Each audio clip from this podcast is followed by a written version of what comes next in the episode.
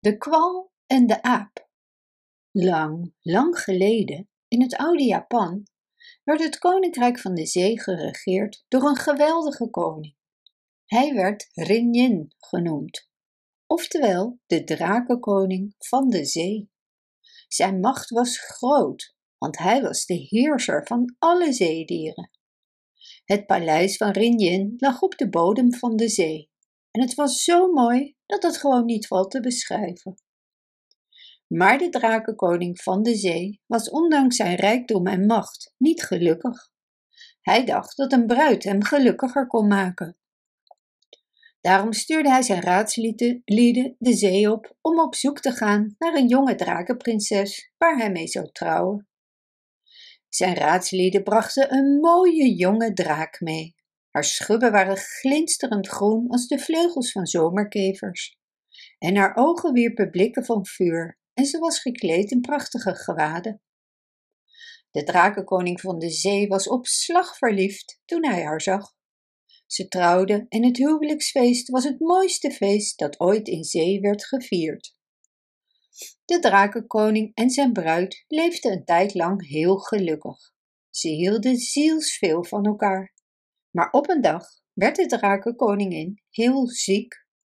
De koning liet de beste vissenartsen komen, maar de jonge koningin vertoonde geen tekenen van herstel, maar werd zieker met de dag. De drakenkoning vroeg de arts of er geen medicijn was wat haar kon genezen. En de arts zei dat het geneesmiddel er wel was, maar dat het onmogelijk was om het in de zee te vinden. De koning vroeg hem wat het was, en de arts zei dat de lever van een levende aap het leven van de koningin zou redden. De drakenkoning was zich ervan bewust dat het wel heel erg moeilijk zou worden vanuit zee een levende aap te vinden. Toen vertelde de arts dat er in het zuiden een apeneiland was, waar veel apen leefden. Maar dan nog zou het onmogelijk zijn een aap te vangen. De apen leven op het droge, terwijl de zeedieren alleen in het water kunnen overleven. De arts vroeg de drakenkoning of er niet iemand onder zijn ontelbare dienaren te vinden zou zijn die aan wal zou kunnen gaan om een levende aap te vangen. De slimste dienaar van de koning had een idee. Er was een zeedier, een kwal, die bekend stond om zijn praatjes dat hij er trots op was dat hij met zijn poten als een schildpad over het land kon lopen. De kwal werd toen naar de koning geroepen en kreeg van zijne majesteit te horen wat er van hem verlangd werd.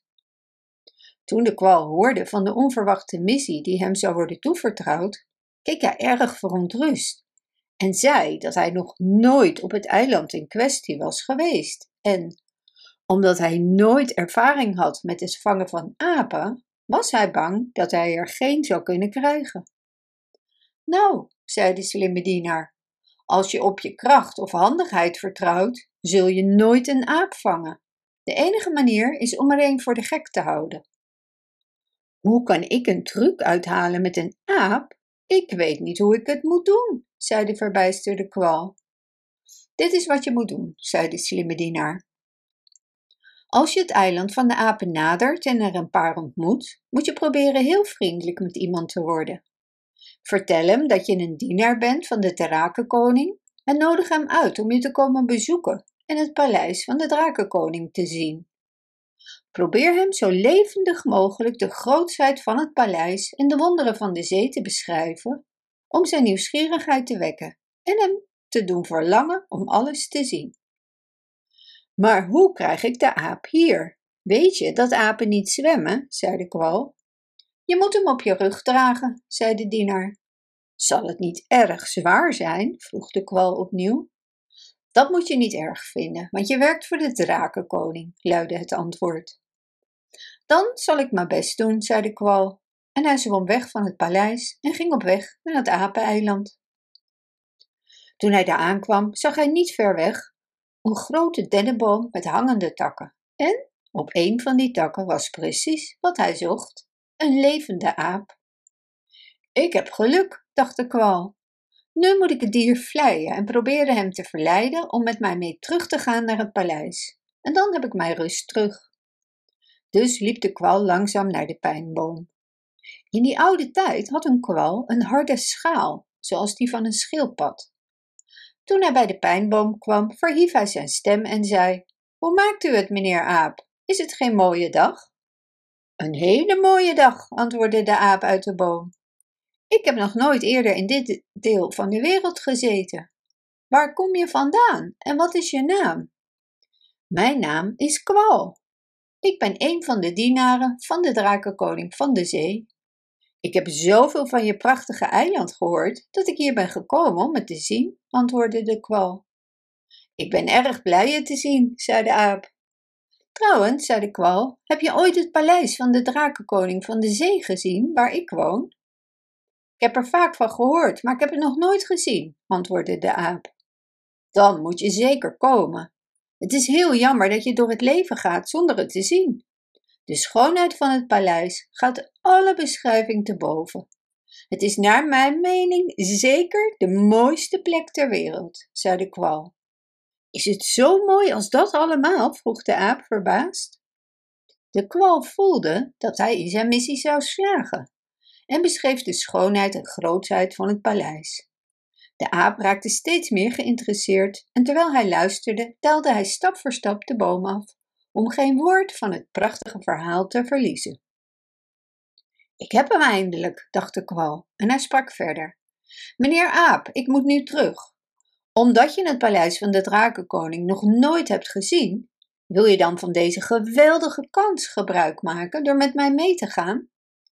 Ik zal dan als gids je alle bezienswaardigheden van de zee laten zien, wat nog wonderbaarlijker voor jou zal zijn als landrot. Ik zou graag gaan, zei de aap, maar ik kan niet zwemmen, zoals je vast wel weet. Dat is geen probleem. Ik kan je op mijn rug dragen. Je kunt plaatsnemen op mijn schild. En zo kwam het dat de aap op de rug van de kwal klom en met hem mee de zee inging, op weg naar het paleis van de drakenkoning. Toen ze halverwege waren, begon de kwal, die geen verstand van het dierlijk lichaam had, zich af te vragen of de aap zijn lever bij zich had of niet. Meneer aap, vertel eens, heb je zoiets als een lever bij je?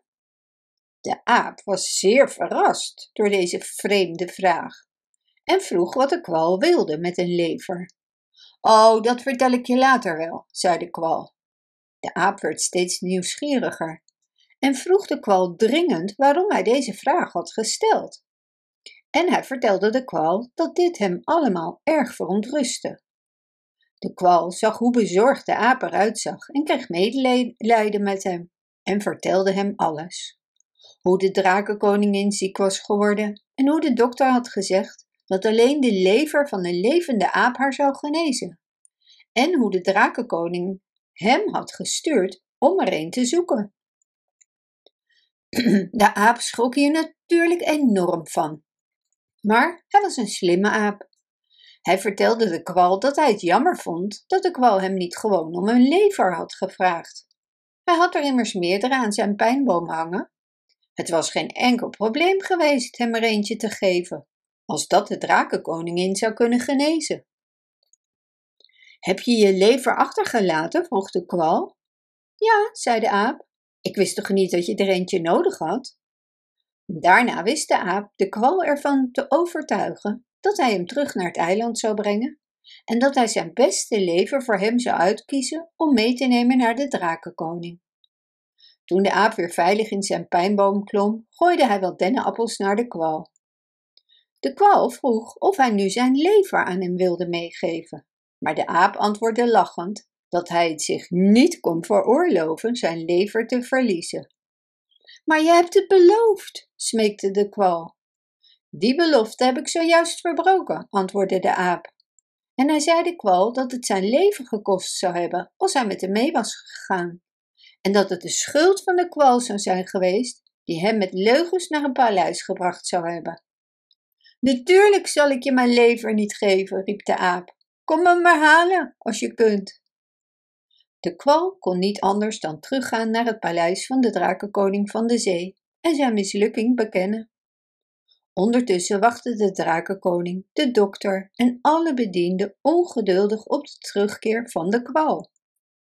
Toen hij ze zijn verhaal vertelde over hoe hij de aap tot halverwege de zee had gebracht en hoe dom het was de aap het geheim van zijn opdracht te vertellen, werd de kwal gestraft. Ze pakte hem zijn schaal af. Uit dit verhaal blijkt dat kwallen vroeger een schild hadden. Maar sinds de straf die werd uitgevoerd in opdracht van de drakenkoning van de zee, zijn de kwallen allemaal heel zacht van top tot teen.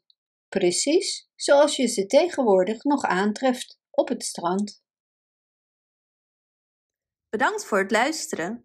Wist je dat je dit verhaal ook op onze website ridiro.com/nl kunt lezen, downloaden en printen?